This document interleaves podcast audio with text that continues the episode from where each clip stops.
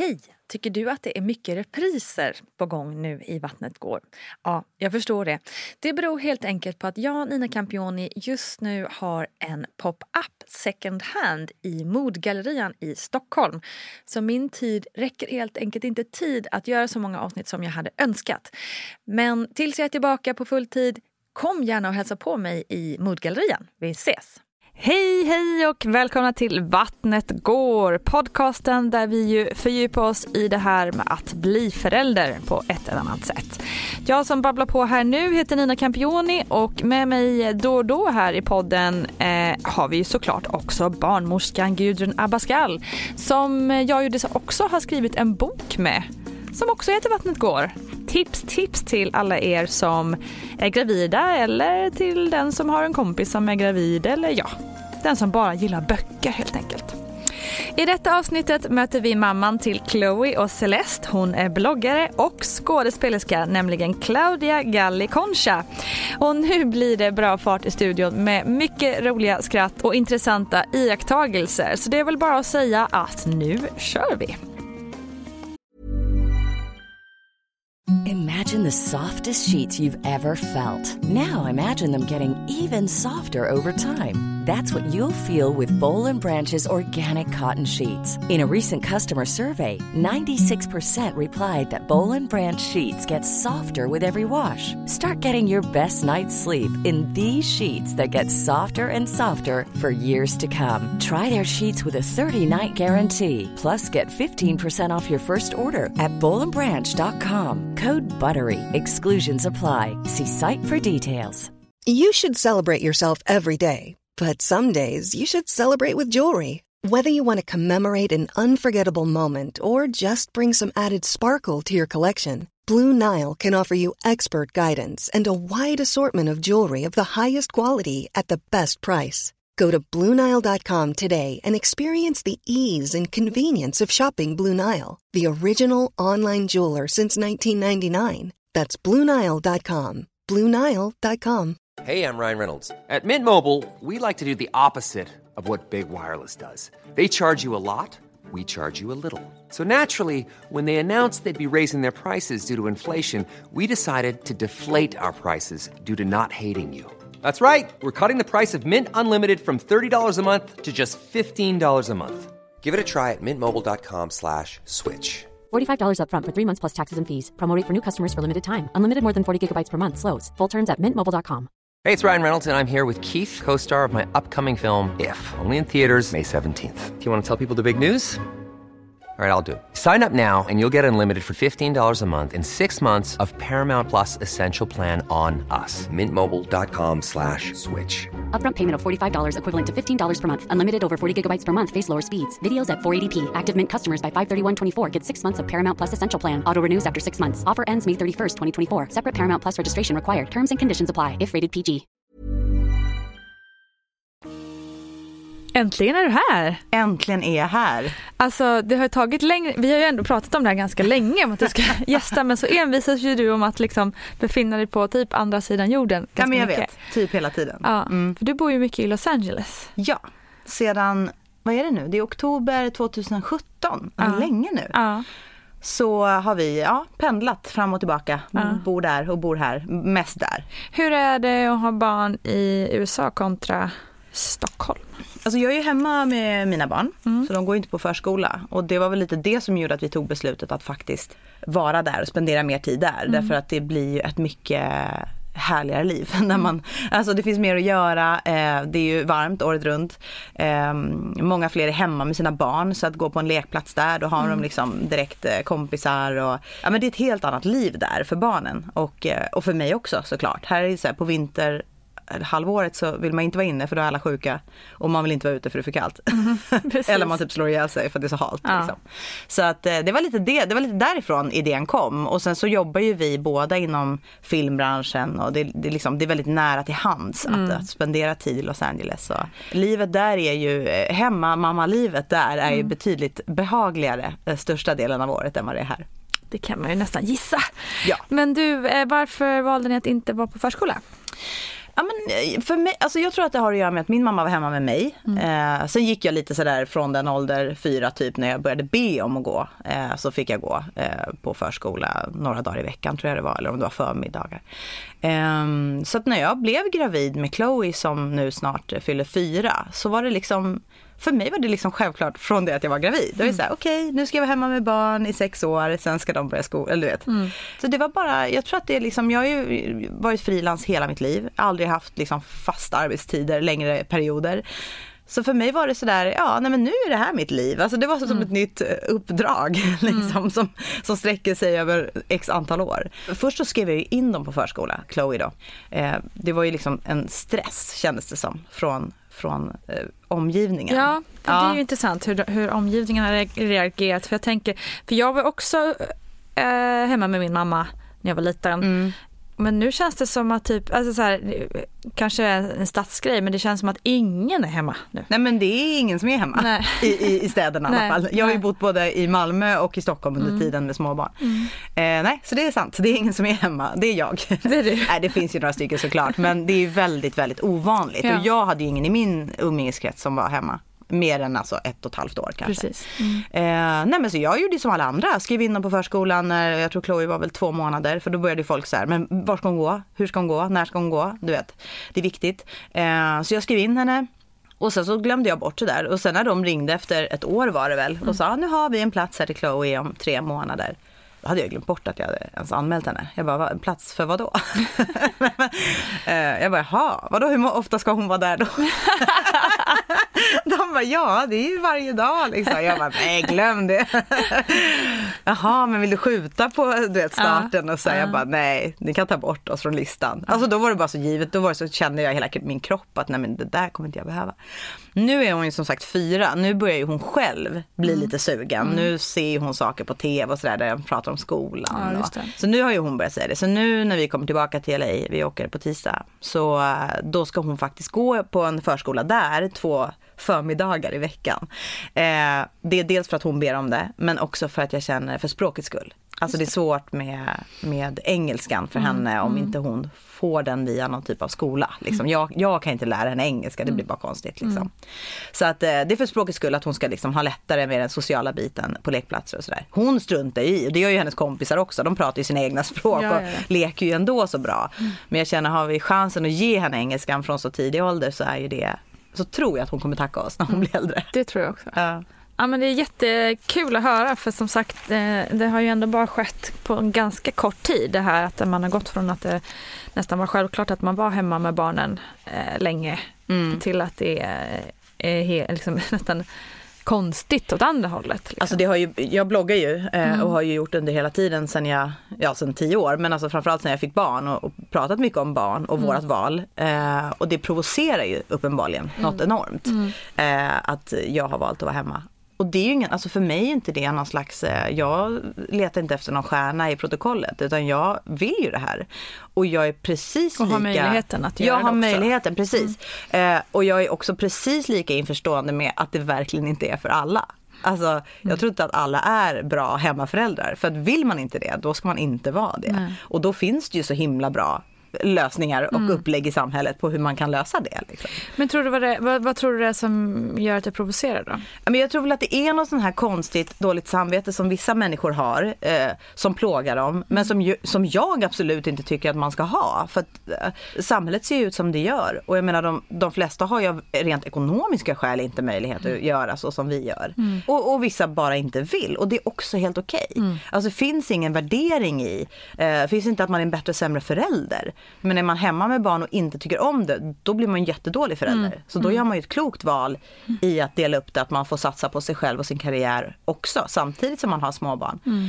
Men för mig, jag tror att det var så här, jag kände mig också ganska, alltså jag är inte nöjd med min karriär, jag kommer ju fortsätta med den. Men jag kände så här, jag hade, inom skådespeleriet har jag gjort så otroligt mycket roliga grejer. Eh, liksom, Inte att jag har pikat på något sätt men jag har, jag har fått göra så mycket roliga produktioner. Och jag har inget så som jag känner att jag verkligen måste sträva efter här och nu. Utan jag känner att det kan liksom få vänta. Mm. Och sen så har jag ju satsat på att jobba med sociala medier. Så jag driver min blogg på Femina numera. Och så har jag ju Instagram och jobbar med det. Och det är så himla roligt det också. Och det är liksom någonting som jag kan göra när jag väljer. Så jag har ju arbetstid på kvällarna. Liksom. Mm. Det blir inte, blir inte så mycket tid med min man. Men det är vi ganska överens om just ja. nu, att det får vara så några år. Ja. Det känns som att de flesta har det så oavsett. Lite så, lite så är det Tänker jag i alla fall. Ja, och jag tror ändå vi, jag menar i och med att han också är på frilansbasis så ja. har ju vi ändå mer tid än de flesta. Så att, mm. Ja men man har tid på andra, andra tidpunkter. Ja, liksom. jag menar vi har lyxen att kunna oftast äta lunch tillsammans ja. och ja, men, sådana här grejer. Mm. Så det, det blir bra. Men mm. Eh, det, det är som sagt, det, det, har varit provocerande för många, det har jag förstått. Och, och jag har alltid fått förstärka så fort jag pratar om det att, att det här är inte för att jag anser att jag är bättre. Liksom, eller att jag har gjort det eller rätta valet. Eller att det här valet. är det enda valet som Nej, är bra för barn. Liksom. Absolut mm. inte. Absolut mm. inte. Det är, bara, det är bara mitt val. Mm. Och det måste vi ju någonstans kunna lära oss där ute att acceptera varandras val. Men det verkar ju vara lite svårt ibland. Ja, kanske ibland. Ja. Men huvudsaken är att man gör det som funkar bäst för sig själv och sin familj. Precis, precis. Men det är jätte, jätteintressant att höra hur du har tänkt. Ja. Och det låter väldigt lyxigt det där mom life i LA på något vis. Det, ja, det, jag, jag tänker att du har nog inte gjort helt fel val. Nej, det, det brukar inte jag heller känna när jag står på så här lekplatsen på stranden och det är varmt och man äter nyskuren mango. Liksom. Exakt.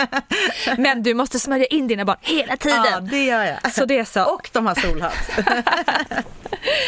Okej, eh, vi ska backa bandet i lite mer än fyra, ja, typ fem år då egentligen, ja. till att du blev gravid. Mm. Var det planerat? Ja, det var det. Mm.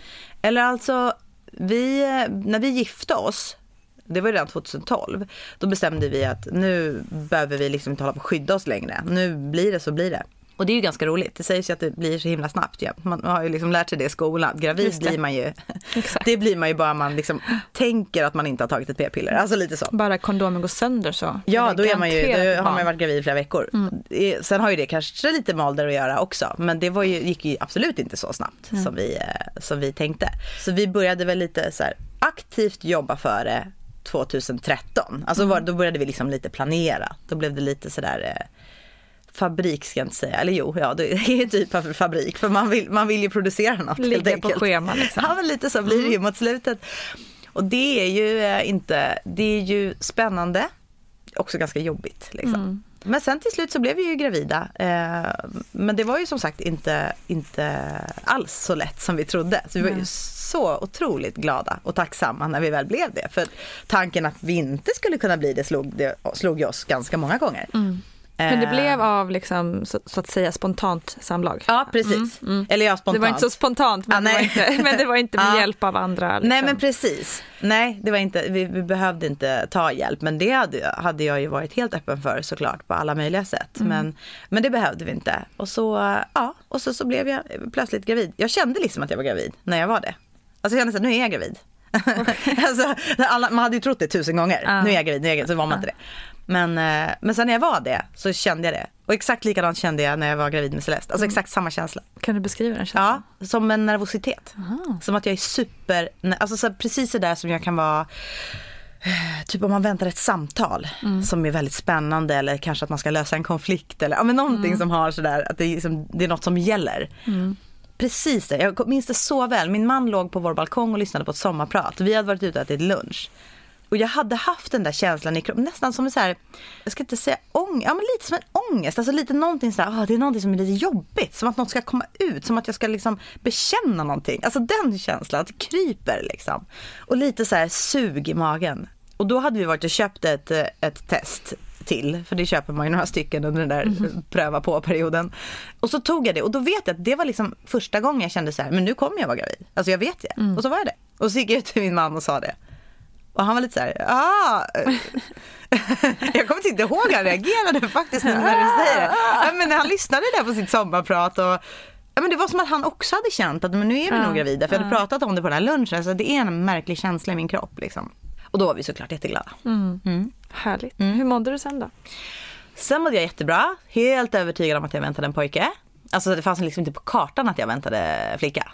Varför tror du att det var så? Jag var bara såhär, jag är en pojkmamma. Ja. Jag är en given pojkmamma. Eh, inte för att jag på något sätt vill stå i hockeyrinkar resten av mitt liv, men det var bara, ja, det var bara, var bara så för mig. Och jag mådde, nej men jag mådde bra. Jag, jag hade liksom de här 12 första veckorna jag mådde lite dåligt. Men, eh, men inte mer än lite, lite sjösjuk. Alltså så, den känslan. Men jag mådde bra och jag var peppad. Jag, var så, jag kommer att jag var väldigt peppad att liksom så här, och jag ville fortfarande klä mig fint fast jag var gravid och blev större och större. Och, ja, men jag, tyckte, jag tyckte väldigt mycket om att vara gravid första gången. ska jag tillägga. Eh, så jag, jag njöt.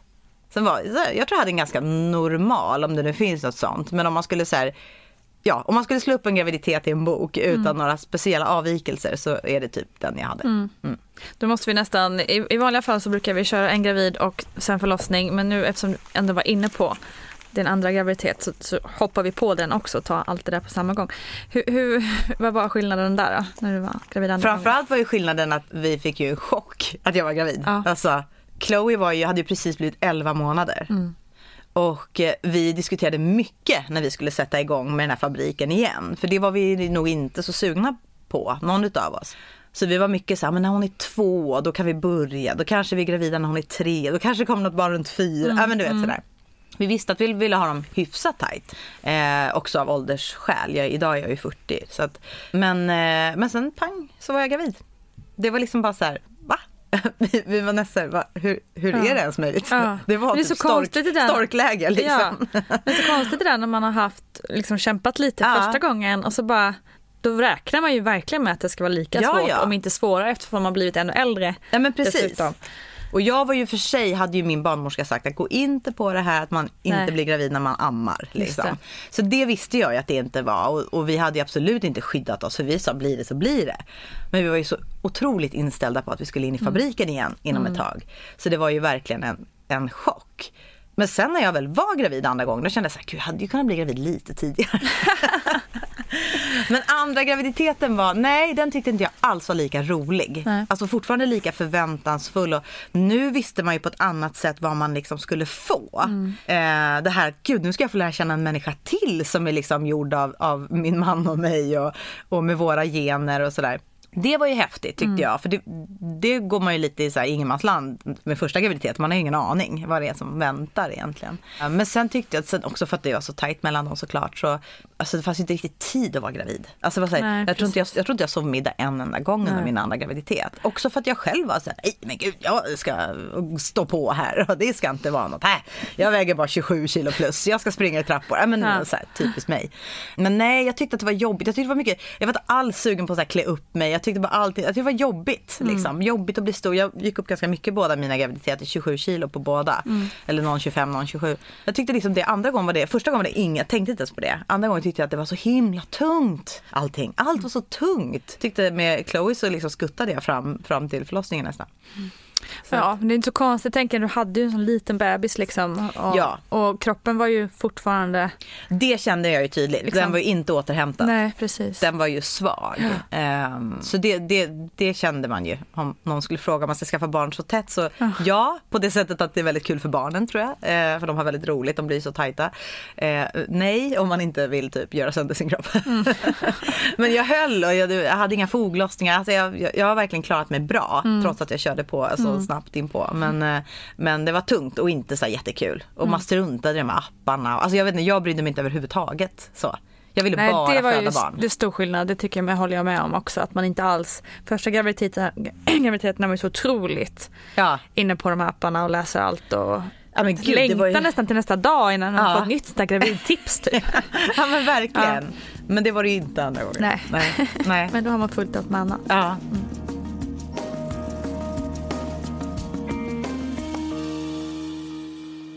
Häromdagen kände jag mig lite nere, alltså lite orolig och ingenting kändes riktigt kul.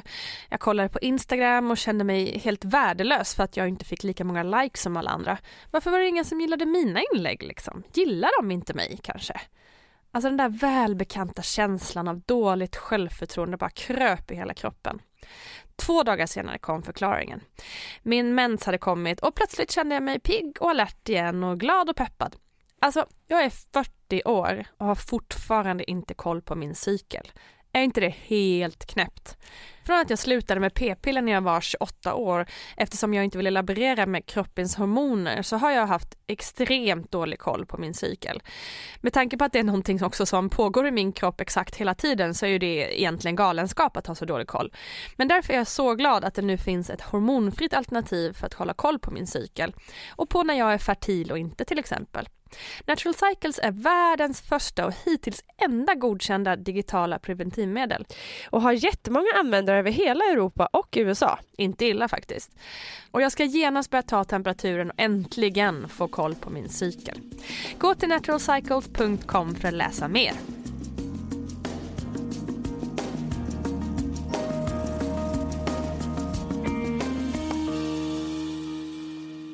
Ja, men vi, vi backar tillbaka till när du var gravid Mm. med Chloe. Mm. Eh, hur, eh, du säger du var en pigg hela vägen och liksom skuttat till förlossningen typ. Men hur förberedde du dig när det började närma sig?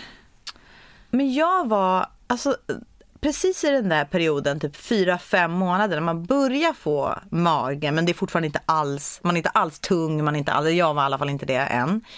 Då blev jag fruktansvärt nervös.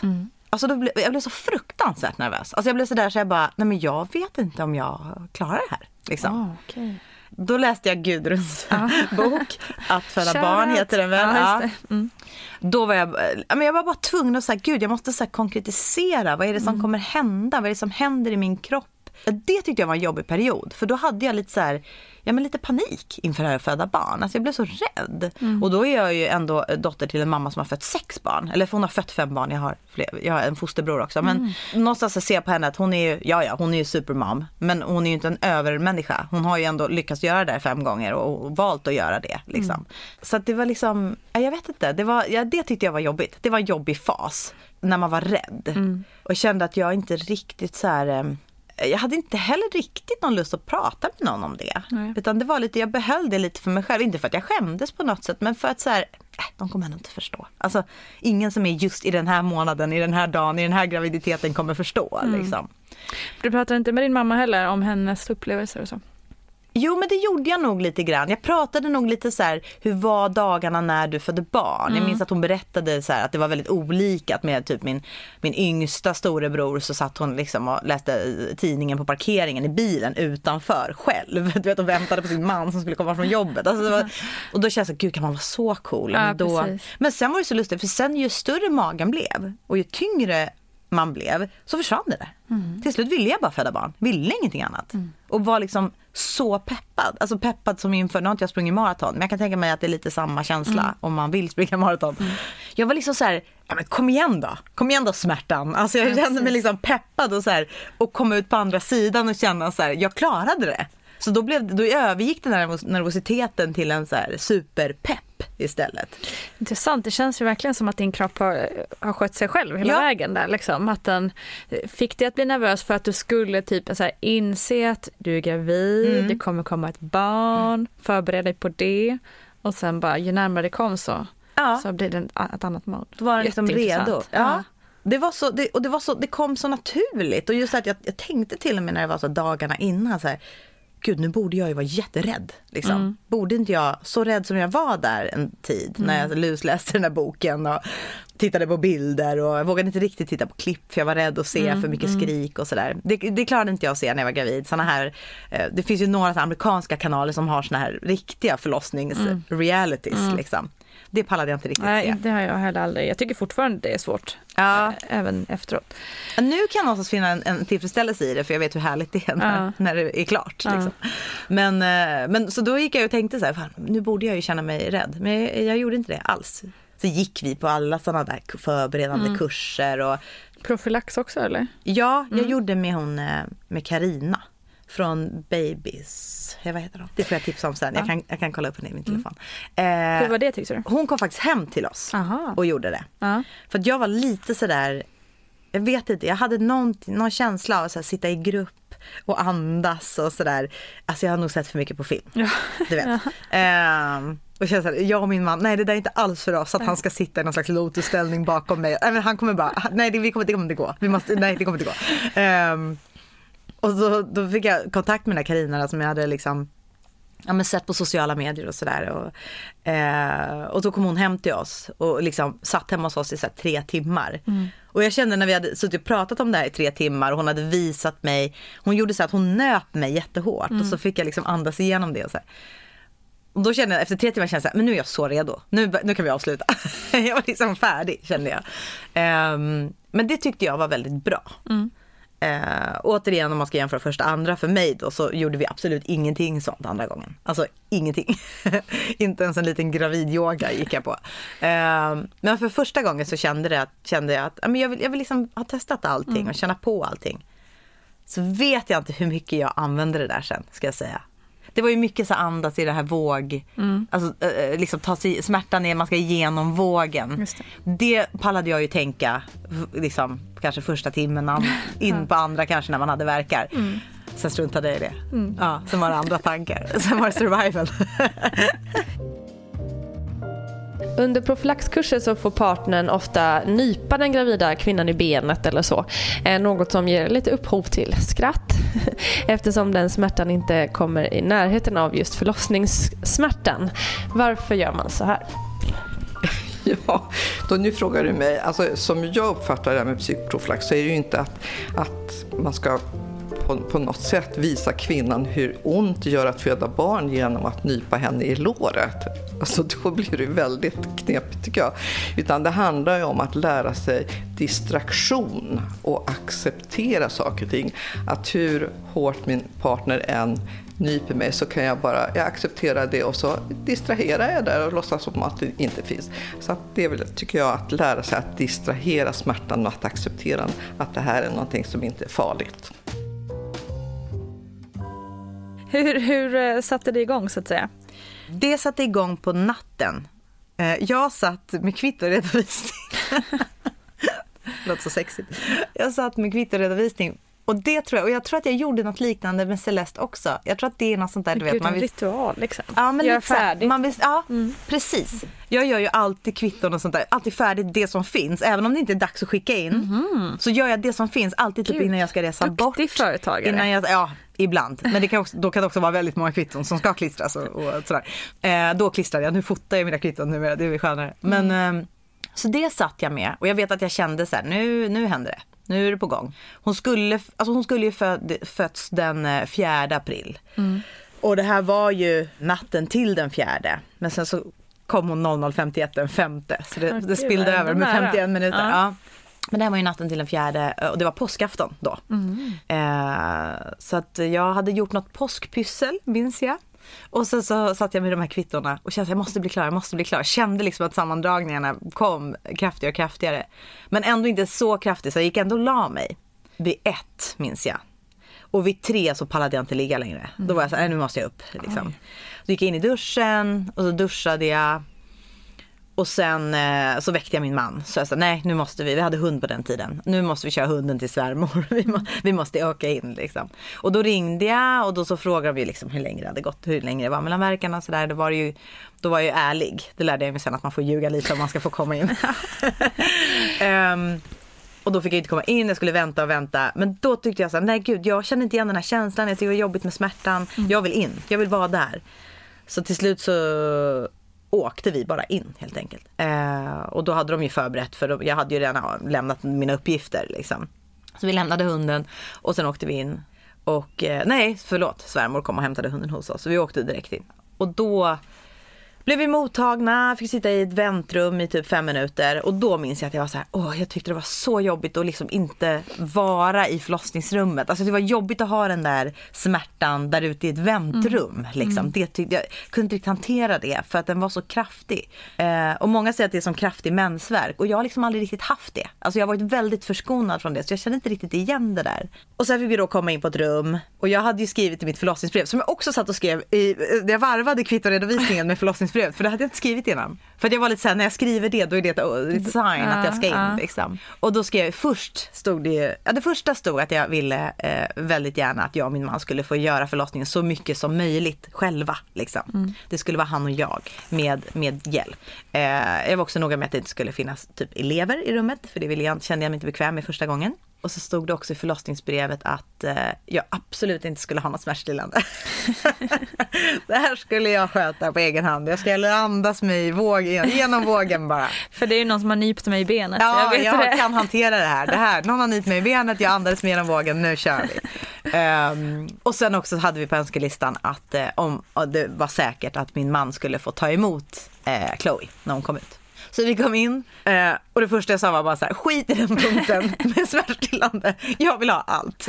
Eh, och då var hon så här, jo men du kanske ändå nu om du hade tänkt dig innan, då, då sparade de in lite sådär. Mm. Eller sparade in, men alltså de, de ville väl liksom, de ville väl tillfredsställa mig. I och med Ja, att jag hade sagt så, Ja. så, så ville väl de kanske så här, ja ja hon kanske bara vet, De har varit med om många som har ändrat sig tusen gånger om. Precis. Liksom. Så de började ju med någon typ av, eh, vad heter det när man sätter nålar? Kvaddlar. Eh, nej, sådana här. ja, akupunktur. Akupunktur. Ah, okej. Och det tror jag att så här, jag, var redan, jag hade redan för ont. Så det, Mm. alltså jag kände absolut ingen lättnad överhuvudtaget. Hon satte i, uppe i huvudet liksom. Och det var också lite läskigt tyckte jag. För att man, ja, men man flänger ju runt lite. Precis, man är så, inte direkt still. Nej. Nej, så att jag sa ganska snabbt ta bort dem. Och sen eh, fick jag lustgas då. Och det, jag, jag dricker inte så mycket alkohol, har inte gjort på ganska många år. Eh, så jag tyckte det var väldigt jobbigt det här att bli lite väck. Alltså jag klarade inte riktigt det. Och jag, jag kunde inte riktigt, hur mycket, hur lite, jag kunde inte riktigt väga av det där. Jag liksom sa till min man, så, dra på allt. Och då var det ju helt borta och då var det inget bra. Så då fick jag ju till slut epidural. Men det var ju också då lite jobbigt, för det var ju påskafton.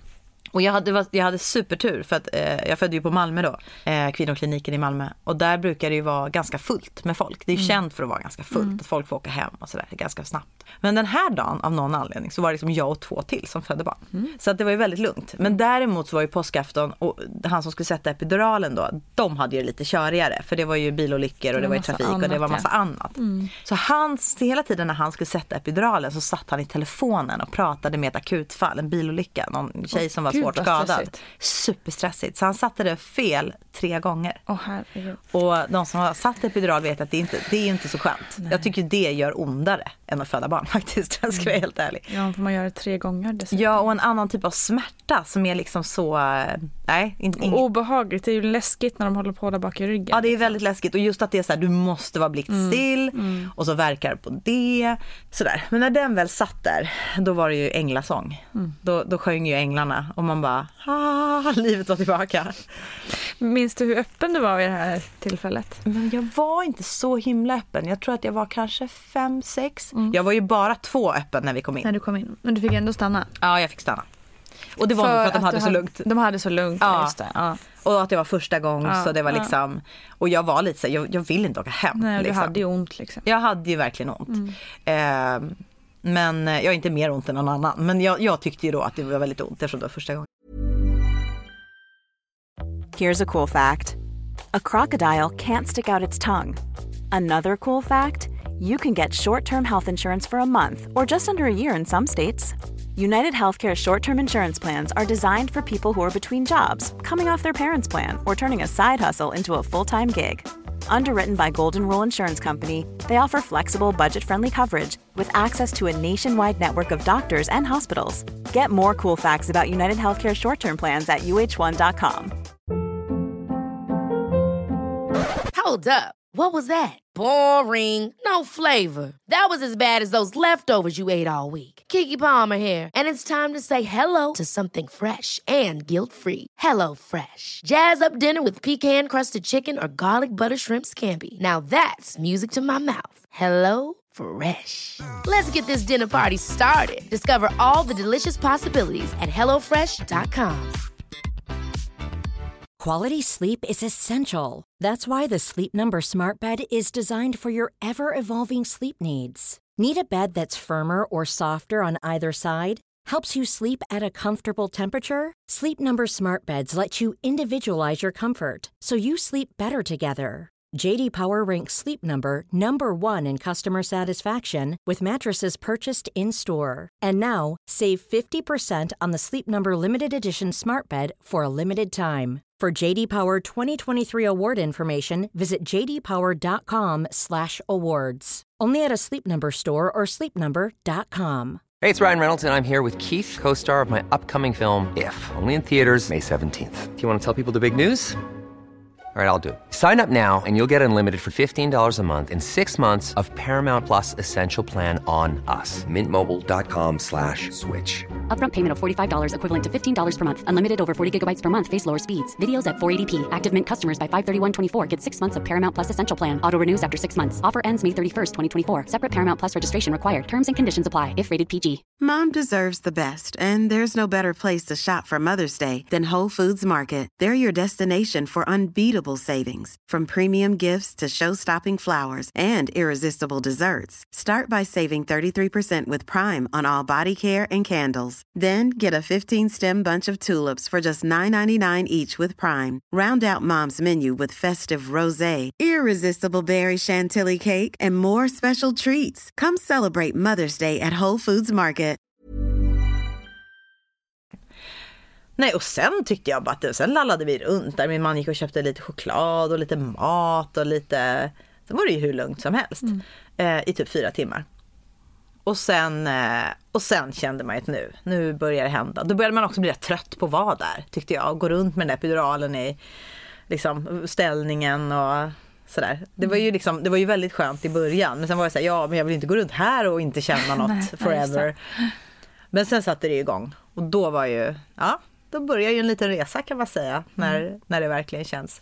De hade sagt till mig redan innan och föreslagit att jag skulle föda, för jag hade ingen så här vilja hur jag ville föda. Jag ville, jag ville absolut inte föda i vatten, det visste jag. Eh, men jag vi- visste ju inte ställning, eller man hade ju hört det, så här, den där pallen var ju väldigt populär då, jag vet inte om det fortfarande är det. Ja, men den, Den går, går, nog- går nog an fortfarande. Ja. Ja. Ja men man har lite olika men de sa så här, ja, men vi rekommenderar eh, ryggläge liksom eftersom barnet låg normalt och sådär. Eh, och, och så om du känner dig bekväm med det. Ja men jag, whatever. men så länge som möjligt, in i det sista hängde jag på den här gåstolen. Det tyckte det funkade för mig. Att liksom man kunde lägga tyngden på ett sätt som jag tyckte var väldigt skönt. Och också det här Ja, men det känns ju som att det är liksom en vattenmelon som pressas neråt.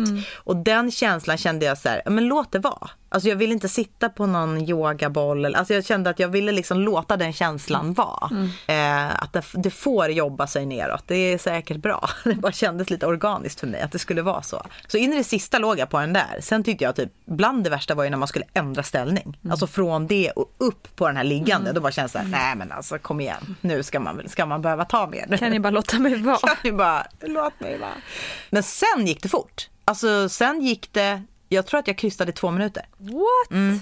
Alltså sen gick det väldigt, väldigt, väldigt Ah. fort. Och sen var hon ute. Shit. Och det var ju, och min man tog emot henne. Ja, gjorde det? Ja, själv. Vad härligt. Och han, vi, vi båda blev, jag, jag, jag sket i, jag var helt borta. jag bara de kommer ut så är jag jättenöjd. Ehm, men de var väl, där var de väldigt bra. Jag fick en, en barnmorska, hon hette eh, Caroline. Hon var ganska, inte sträng, jo men hon var ganska hård. Och det gillade jag.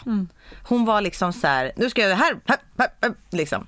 Och hon ännu strängare, eh, vad heter den som går bredvid? Ja, sköterska. Mm. Hon var supersträng. Ja, hon var så här, hon domderade att min man inte fick titta och du vet så här, du ska sitta här, du får inte sitta här.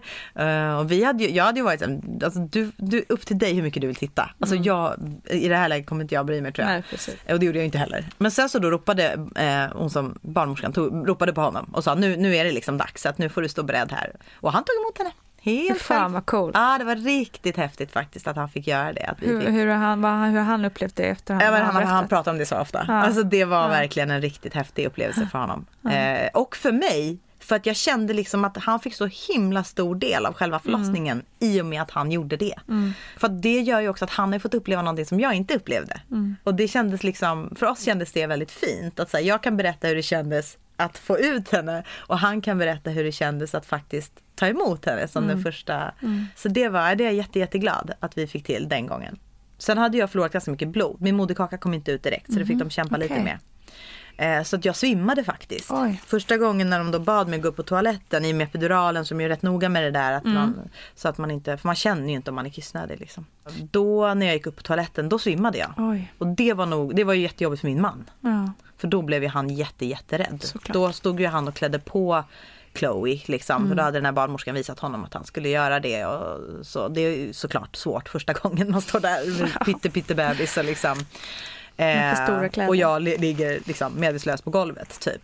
Fy Och då vaknade jag så här att larmet går och att det står jag kommer, alla var så superblonda. Det, var så, det var så fin syn. Det kändes lite som att det var så änglar som Ja. stod ovanför mig. Tre stycken då, plus den här barnmorskan som också var blond. Eh, som står ovanför mig och bara tittar på mig. Så här. Och man hör det här larmet som går. Och jag känner så shit, nu, det här är ju jätte, nu är det jätteallvarligt. Men det var det ju inte. Då när jag väl vaknade så var det ju bara tillbaka till sängen och de var så här, men det är för att du har... Så då fick de ju tillföra lite extra blod då. Mm. Men sen var det bara, nej men det var bara som att vi hade tur hela tiden också. Att det, det var så lite folk vilket gjorde att det var lite folk på BB. Mm. Så min man fick sova kvar. Det är så här, det typ händer inte på Malmös kvinnoklinik. Att någon, man får inte sova kvar där egentligen. Men i och med att det var så mycket plats så var de så här, ja vill du stanna så får du väl det då liksom. Så det gjorde han. Så vi fick så tre dygn som bara, åh, alltså den bebisbubblan det, det är bland det finaste, finaste jag någonsin har fått uppleva. Alltså än idag, när jag, nu har vi flyttat från Malmö, bodde där i sex år. Men alltså, fortfarande varje gång jag åkte förbi så var jag tvungen att titta på det rummet, titta på det fönstret och vara så här. Ah, jag är så glad för de tre dygnen vi hade gud, där. vad härligt Jaha. höra. Ja, men det var verkligen så himla fint.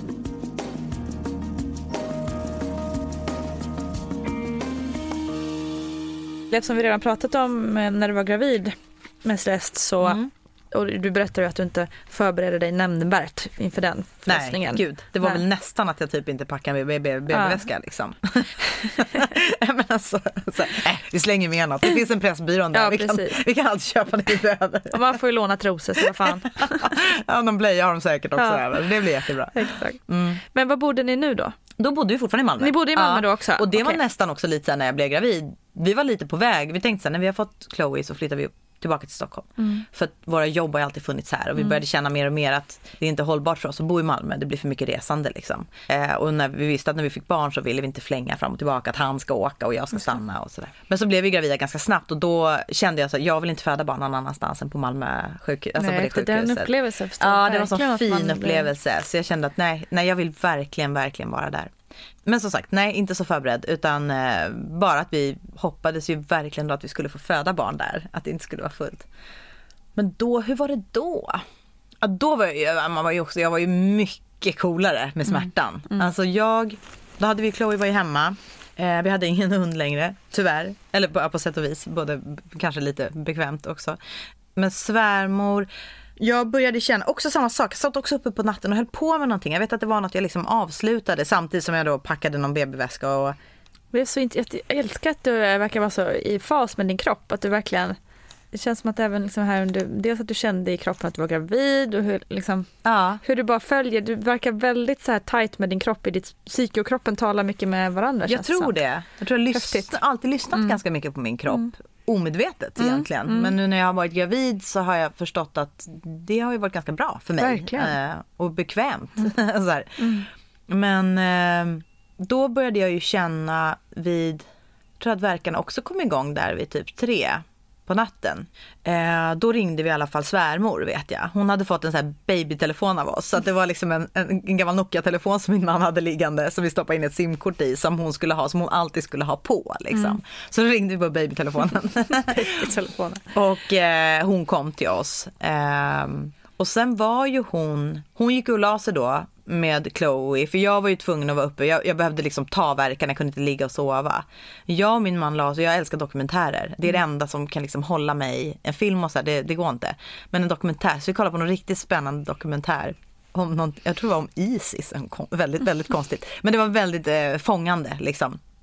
Eh, och vi satt i soffan han och jag och jag eh, hade såna superverkar men kände bara att det är lugnt, jag vet ju vad det här är. Liksom. Det är inget, ingen fara.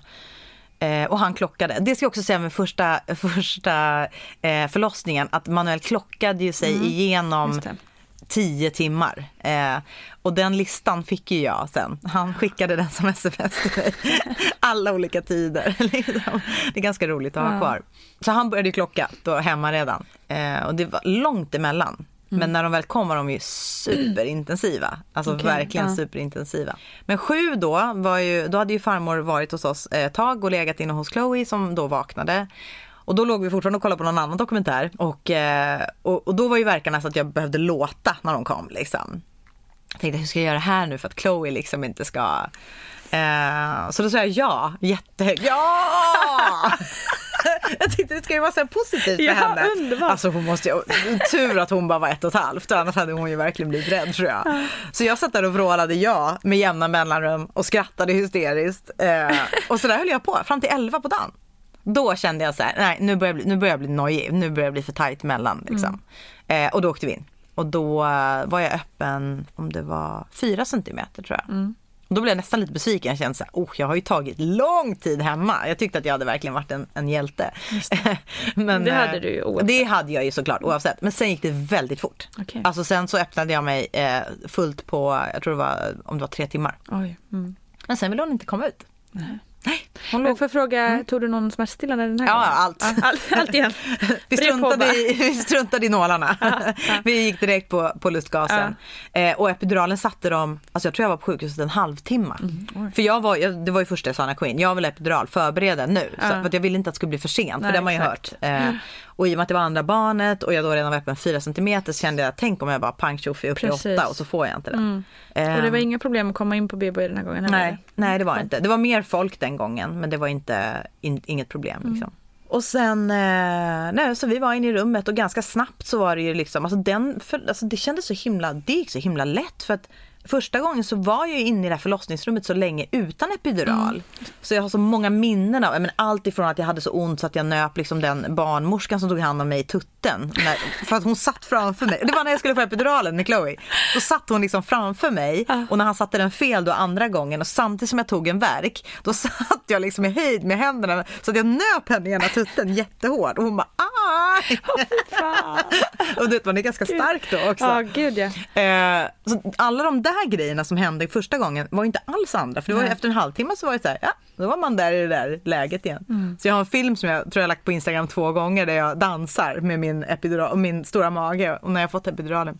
Men sen så då så tog det väl tre timmar och sen började jag känna, men nu, nu, är, det, nu är det dags. Men då var hon liksom en decimeter upp och ville inte komma ner. Så att efter två timmar, när hon fortfarande inte hade kommit ner och jag hade varit fullt öppen, så började ju barnmorskan och sköterskan titta på varandra och var lite så här, mm, nu vet inte vi om vi kanske måste börja förbereda ett, ett kejsarsnitt. Liksom. Och jag bara, nej men nu har jag ju, herregud. För det ska jag tillägga, jag glömde säga det, att eh, Celeste låg också i säte. Fram Jaha. till typ eh, tio dagar innan Okej. förlossningen. Så jag hade mentalt förberett mig på att göra kejsarsnitt ganska länge. Eh, för jag kände att jag ville inte föda i säte utan då tänkte jag men då, då är det meningen att jag ska göra kejsarsnitt den här gången. Jag själv är född med kejsarsnitt så jag tänkte att det kanske är meningen att jag ska uppleva både och. Liksom. Eh, och jag var fine med det. Men nu när hon då vände sig och jag ville gärna föda vaginalt. Eh, så var jag så här, men gud nu ska jag göra det. Så då var det som besvikelse när de bara, vi kanske måste göra ett det. snitt. Jag bara nej, nej, nu har jag legat där och kollat på den här konstiga dokumentären till 11 på förmiddagen. Nu vet jag liksom. allt om Isis här och jag vill ju bara... och vill ju bara föda barn. Ehm, så då, för det var det att krystverkarna kom inte igång. De kom liksom inte. Varför kan det vara så att ibland att kvinnan liksom inte får några krystvärkar? Ja, vad man menar med krystverkare då, är det då att man inte känner hur man ska göra när man ska krysta ut barnet? För visst kan det vara så att, eller är det så att livmodern eh, arbetar så ineffektivt så att det blir inget tryck på barnet som gör att barnet kommer ner så att den här krystreflexen kommer fram. Att det är ineffektiva verkar då, som vi säger, som gör att krystreflexen inte utlöses.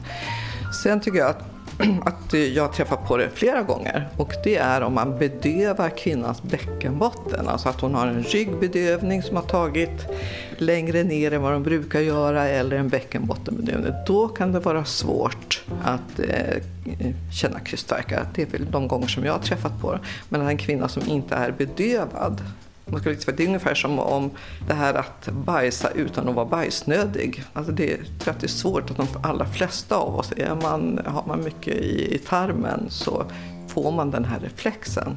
Men är man bedövad så visst, då kan det vara så. Så till slut så sa jag då till hon som tog hand om mig, eh, Lena hette hon, världens gulligaste. Eh, jag bara, jag, eh, vad händer om jag bara krystar själv? Hon bara, ja men pallar du det liksom? Hon bara, du kan försöka. Och jag var så, då var jag så less på det här. För det, jag fick sån panik att jag skulle liksom få gå till ett operationsrum och få ut henne på den vägen. Mm. Så jag la mig på den här britsen och bara, nu jävlar.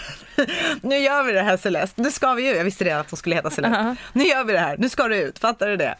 Och sen eh, krystade jag 11 minuter själv. Alltså utan krystvärkar. Jag tog i som en liksom eh, tyngdlyftare. Ja. Och hon kom ut? hon kom på ut. 11 minuter? Ja! Alltså Claudia, herregud. Och de, var Snacka så här, om de, de som tog fram det där liksom. Född för att föda barn. ja jag tror det. Ja. Det är fan att jag inte ska ha fler. Eh, men de tog fram det diagrammet och bara, det här är så här, det här skulle vi vilja klistra upp liksom. Att du inte ens hade krystverkar och ändå. Och hon låg 10 centimeter upp. Det är helt, jag har aldrig hört något liknande. Nej, inte de heller tror jag. inte jag Wow. heller. Så eh, ja, men jag var bara så bestämd. Liksom. Det var som att en superkraft bara kom och tog sig an min kropp. och sen bara gjorde vi det. Herregud. Ja. Och sen kom hon ut. Då, i och med att det hade varit som det hade varit så hade vi också som önskan att Manuel skulle ta emot henne. Men då gjorde han inte det. För Nej. vi var lite så i och med att de var lite panikslagna över, de, du vet med syret och Ja, allt det där. Eh, så kände han liksom att nej, men det blev ju jättebra ändå. Liksom. Vi, då var vi bara så glada att hon kom ut eh, Ja, gud ja. ur det, Och så snabbt, på det liksom. sättet. Och så snabbt, precis. Men om du jämför kryst, eh, de liksom krystverkarna som kommer av eh, kroppen självt Mm. första gången och de du tvingar själv Mm. fram. Hur var liksom smärtan eller versus utmattning? För det blir ganska utmattande med krystverkar. Alltså smärtan är ju värre när krystvärkarna kommer. Mm. För de gör ju ont såklart av naturliga skäl.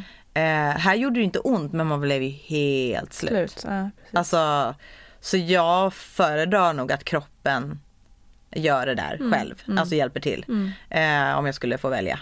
Kunde de coacha dig genom de här krysterna som du tog Ja. fram själv eller kände du själv att nu är jag redo för nästa? Liksom. Ja, nej, jag, jag tror nog att jag styrde det men Mm. att de liksom för jag frågade, kan jag krysta nu? För man vet ju hur det är Mm. Ja, också med det här risken att spricka och allt det där. Liksom, att ville ju inte att det skulle gå för fort. Eh, så. De såg ju henne hela vägen, det var ju det som var så sjukt. Alltså, en decimeter upp, det är, det är ju långt när Mm. Ja, man tänker att man ska jo. krysta utan krystverkar. Men det är ju inte så långt eh, avståndsmässigt. Så de var ju så här, området." åh hon har jättemycket hår. och jag bara, "Ja, kom igen. Ehm, nej, men så det var nog, alltså det var mycket, mycket mer utmattande. Ja. Och lite läskigare också, liksom att man känner sig, varför bara funkar det inte? Alltså vad är det som händer? Och att man är lite stressigt att nu hon måste ju faktiskt ut nu. Ja, liksom. och jag känner så Ja. att tänk om jag bara orkar hälften liksom. Och då kanske det är ännu mer panik för då har jag tagit tid. För det var ju det jag kände när jag väl det. beslutade mig att så här, jag vill göra det här själv. Jag, nu lägger jag mig på britsen och jag gör det. Och de var så här, okej fast orkar du det? Och jag bara, ja, ja jag orkar det. Men jag gör det nu. Liksom. Och då var det ju, skräcken var ju att jag inte skulle lyckas med det. Liksom. Precis. Och att de skulle bara, nej okej hon klarade det inte och så skulle det bli någon slags superpanik. eh, Men det blev inte det, det gick ju bra. Och då, efter, eh, då var det inte alls så dramatiskt efter. Jag tror, ja, moderkakan kom nog ut med henne också. Och, så då var det inte alls det där dramat som det var första gången. Då var det ju mycket mer men jag var ju så nyfiken på Celeste för hon hade ju inte visat sig på ett enda ultraljud. Vi försökte med så här 3D, vi försökte med allt liksom. Buffa på magen, jag stod och gjorde liksom upp grodhopp och du vet, jag ville bara att hon skulle, nej. En fot hade jag sett. Jag hade sett en profil, ingenting. Va? Jättekonstigt. Har jag Varenda, aldrig talas om. varenda ultraljud så låg hon liksom med ryggen mot, rumpan upp, eh, foten ut. Herregud. Vet man är så van vid den här liksom Ja, den lilla profilen. ja, som alla lägger upp på Ja, Instagram. Mm. och Chloe hade vi gjort när vi tog sån här 3D, då såg man liksom verkligen tydligt. Mm. Jag var så superförberedd när Chloe kom på hur hon såg ut. Nu är inte det så viktigt, men alltså någonstans så var det en så här förberedelsegrej för mig. Mm. På samma sätt som jag ville ju verkligen veta vilka kön det var jag skulle få, för det var en del av min förberedelseprocess. Mm. Ja, men Celeste visste jag ingenting, så jag var så här, jag bara tog henne och så här, kollade henne i ansiktet Är det det första jag troll, gjorde. eller Ja men är det troll? det var det ju typ, hon hade ju så mycket hår. Jag var verkligen så vem är du? Det var typ, jag tror att det var det första jag sa. Jag älskar dig, vem är du? Tror jag var det första jag sa. Och sen tittade jag på henne jättelänge. Alltså, så här, så, lite märkligt kanske, men jag var så här, för att jag, jag, det var verkligen som att få en, eh, ja, men en present som hade Ja. varit inslagen och som man Ja. inte hade önskat sig. Fast jag hade önskat med henne men förstår vad jag menar? Jag man, man vet inte vad det är man ska få alls. Men Eh, vad, vad gjorde de då på så här ultraljud? För jag menar oftast, på det är ju på något, är det kubb eh, som man mäter och håller på och de drar liksom mellan, kolla alla, mäter huvud och de mäter, eh, kolla vad ryggrad och Ja, grejer. är det det? Något av ultraljuden är de Ja, ja, går något, ja, igenom allt precis, det där. precis. Vad, vad gjorde de då på dig? Liksom? Ja, men de kunde ju mäta runt det där på något. kunde Den det ändå. tekniken är ju så Mm. otroligt Mm. Eh, framåt. Liksom. Eh, så det var aldrig något problem. Ja, okej. Eh, jag tror att de lyckades mäta allting hela tiden och ha Mm. koll på det. Men att just att jag inte fick se henne liksom, var ju så frustrerande. Udda liksom. Ja, det var så konstigt och jag kände mig helt lost. Ja. Alltså, de barnmorskorna, alltså, hon som förlöste mig där, hon måste ju verkligen tyckt att jag var konstig som jag. Nej, Anita hette ju hon som förlöste mig, förlåt. Hon hette ju som min mamma. Lena, fick jag det ifrån? Eh, världens härligaste. Hon var inte alls så där sträng som den första. Nej. Här var ju liksom en härlig mormors typ som var så här omhändertagande och en, och en väldigt ung tjej till sköterska som var också superhärlig. De var så roligt team. Det var liksom en så här riktigt gammal i gamet och så en som var, hon kan nog inte ha jobbat mer än ett år liksom. Eh, de var också jättehärligt team men absolut inte så där stränga och, och Vilket så. föredrar du då? Ja, men precis så som jag hade det tror jag. Sträng till första gången och lite mer lullull andra Mm. gången. De var ju superpeppiga liksom. I och med att jag också kämpade så mycket med egen styrka. Så var ju de, "Ah, du är så duktig, du är så bra. Du liksom... Så jag fick nog mer pepp egentligen andra gången. Mm. Men det, det var ganska bra. Då var jag liksom mogen att, att bli Mm. peppad igenom. Första gången var nog, ville jag bli styrd igenom det hela. Liksom.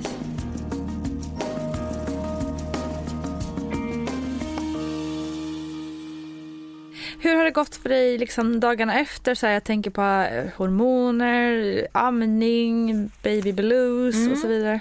Amning har jag haft tur med, det har gått Mm. bra båda gångerna. Första gången tyckte jag, där tyckte jag nog det faktiskt var sköterskorna på, alltså på sju på BB som rörde till det lite. Mm. Jag tyckte att det, det, kom in folk, det kom in folk hela tiden i början. Mm. Och jag tyckte att alla sa olika. Du ska hålla så här, du ska göra så här, du ska hålla så här. Och det var, liksom, det var inget problem. Hon åt. Men det är klart att ja, det tog ju lite tid innan man fattade Mm. hur man ska hålla. Men då tyckte jag att man fick så himla många olika de sa så olika saker så att jag blev förvirrad av det. Okej. Liksom. Så det var första gången tyckte jag att det var bökigt för att jag tror att jag hela tiden utgick från att jag gjorde fel. Det. Och det gjorde mig osäker. Ja. Men sen så jag drabbades av baby blues båda gångerna Mm. när jag kommit hem. Och första gången var betydligt värre än andra för första gången visste jag inte vad det var. Just det. Och jag har ju haft mycket ångest i mitt liv och panikångest. Så jag blev ju väldigt rädd för det. Att jag skulle gå in i någon slags ångestperiod. Jag tyckte att det var jättejobbigt att folk kom och hälsade på. Jag ville inte alls ha folk springandes. Jag grät ohämmat. Liksom, eh, kom ihåg min svärfar var hemma hos oss. Jag tror att det var så dag två vi var hemma. Chloe var väl då fem dagar eller något sånt där. Och han var hemma hos oss och jag bara var så, jag var så genuint olycklig.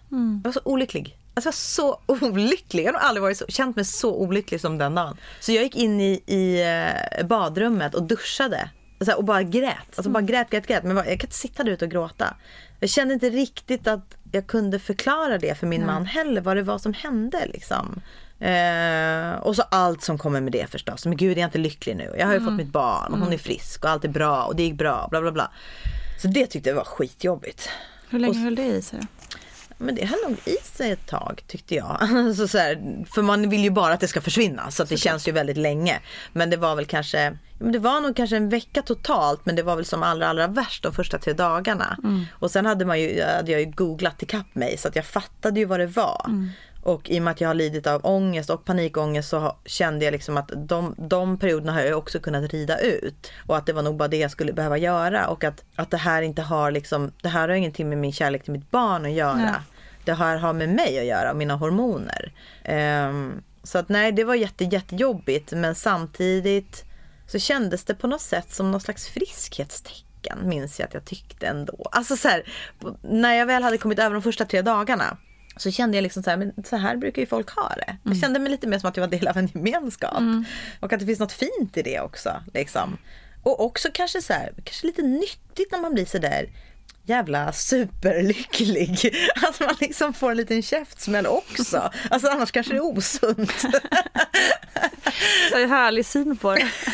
Nej men liksom man är ju så himla, alltså jag var så himla lycklig. Jag var så euforisk och som jag sa förut de här tre dagarna på BB var liksom så här, det var änglasång rakt igenom. Jag, min man var liksom min hjälte, mitt barn var det vackraste någonsin. Och, det var liksom, så att när man kom hem till verkligheten så, så känns det, ja men okej man kanske bara ska ner lite på Så att det liksom balanseras ut lite. Balanseras ut. Och sen var Chloe också lite gul, hon hade lite gul sot så att det blev ju mycket med det att man skulle tillbaka till sjukhuset varje dag. Mm. Och, så de praktiska sakerna tog över och det var jag ganska glad för. Mm. Att det var, alltså inte att hon hade gul sot, men att det blev lite praktiska saker. Man kan hänga upp lite på Ja, vardagen. Lite det blev inte bara Mm. sitta och kolla på Hem till gården och amma Just i. Mm. soffan. Liksom, för då hade jag nog verkligen tyckt att det var jobbigt. Men, Och samma sak drabbade sig jag med Celeste. Men då var jag så otroligt förberedd på Mm. det. Så då var det ju sådär att man stod i duschen och grät och kände såhär, ja ja nu står jag här och gråter. Liksom. Det kommer gå över. Det kommer gå över. Mm. Men jag var eh, mycket mer restriktiv med hur mycket jag ville ha folk där.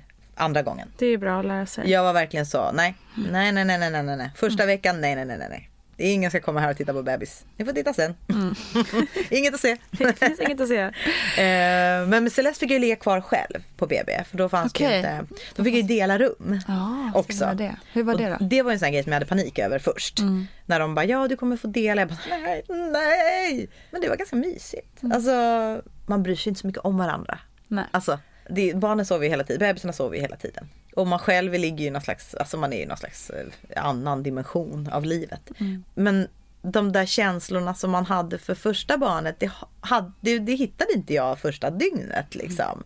Den där relationen, för det går inte att ha en relation med en litet knytte som bara sover hela tiden. Man kan ju tycka att de är det sötaste som finns och, och sådär. Men alltså det tyckte jag var jobbigt, det där dygnet. Det var verkligen så här, åh, du vet minuterna kröp. Tittar man på klockan liksom hela tiden. Jag Bara, det, tiden gick aldrig så kan man inte riktigt sova. Och, Ja, men det är det som känns, man ska inte behöva vara ensam.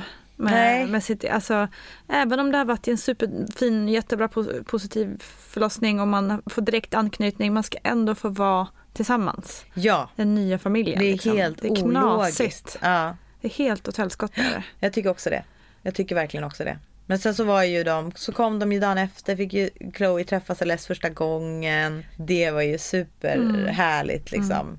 Eh, jag är ju ganska hundraprocentigt säker på att Chloe har ingen aning om hur livet var utan Celeste. Alltså hon Nej. minns ju inte Nej. det, för hon var ju så liten. Hon hade ju, ja hon kunde ju gå för hon var ju ett år och sju månader. Men, ja, men hon var ju så liten och pratade inte ens liksom. Nej. Idag fattar jag ju hur liten hon var. Men då tyckte man ju hon är ju en stor tjej. Liksom. Precis.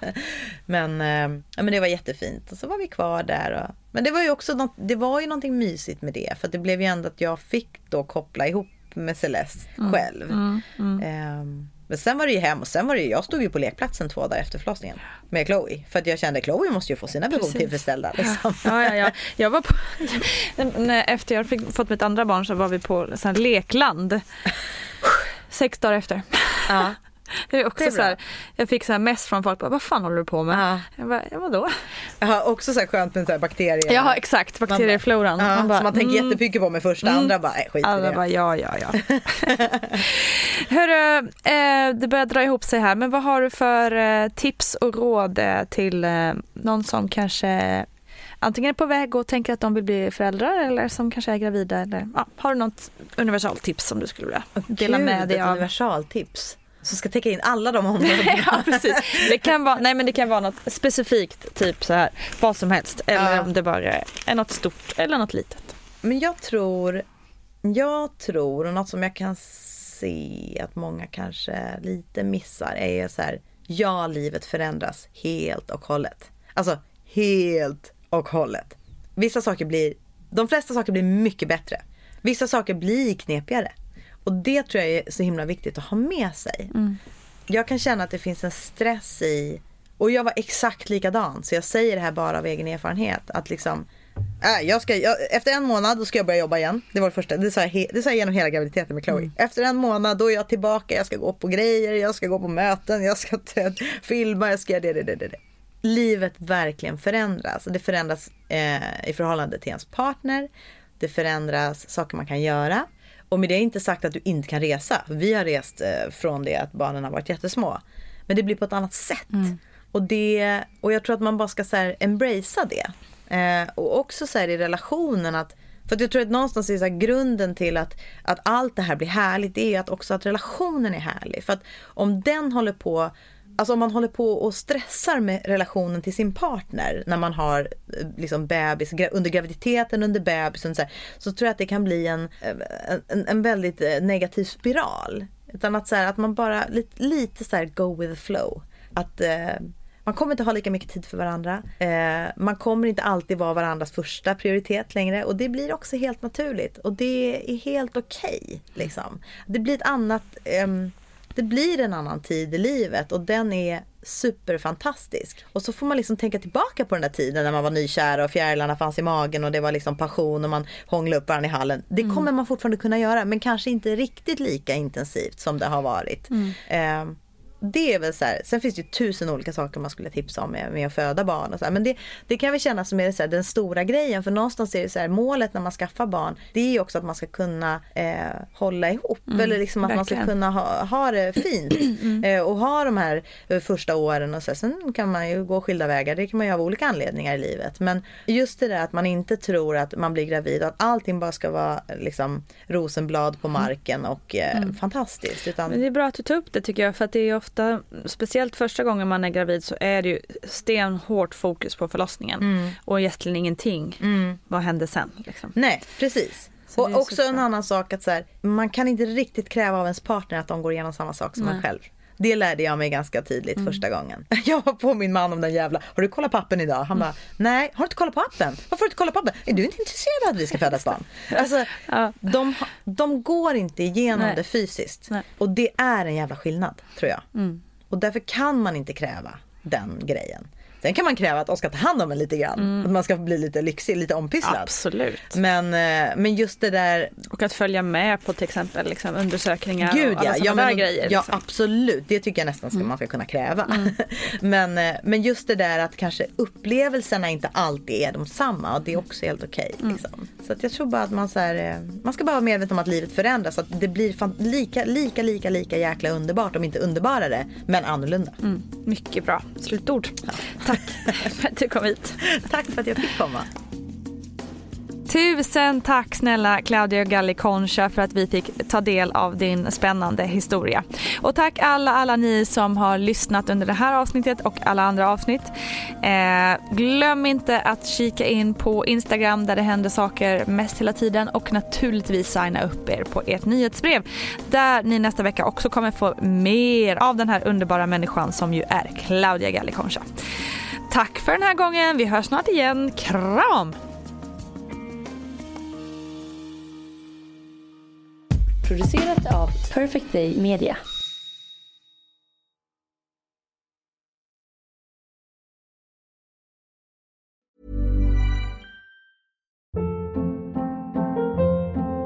Hold up. What was that? Boring. No flavor. That was as bad as those leftovers you ate all week. Kiki Palmer here, and it's time to say hello to something fresh and guilt-free. Hello Fresh. Jazz up dinner with pecan-crusted chicken or garlic butter shrimp scampi. Now that's music to my mouth. Hello Fresh. Let's get this dinner party started. Discover all the delicious possibilities at hellofresh.com.